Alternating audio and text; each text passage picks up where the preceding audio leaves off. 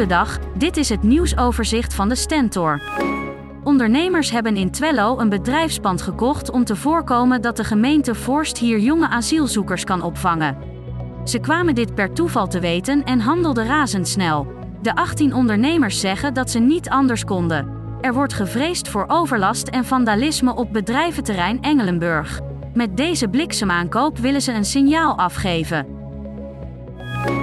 De illegale situatie bij restaurant Lazy Tiger in Ermelo wordt een steeds duurder geintje voor de pandeigenaar.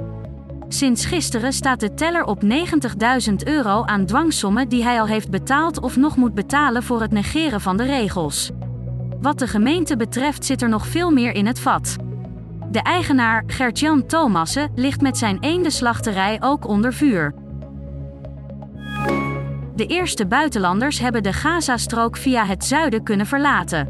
Ook ernstig gewonden zijn naar Egypte getrokken. Vooralsnog was de Rafah-grensovergang alleen beperkt open voor het leveren van humanitaire hulp.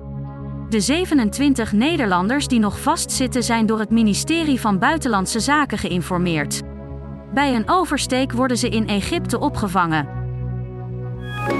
Het Herman Brood Museum in Zwolle zit in zwaar weer. Vijf jaar geleden opende het als een eyecatcher en aanwinst voor de stad, maar inmiddels klinkt er een ander geluid. De gemeente trekt wederom de knip voor financiële steun voor de stichting. Ondertussen wordt er gekeken hoe het nu verder moet met het museum.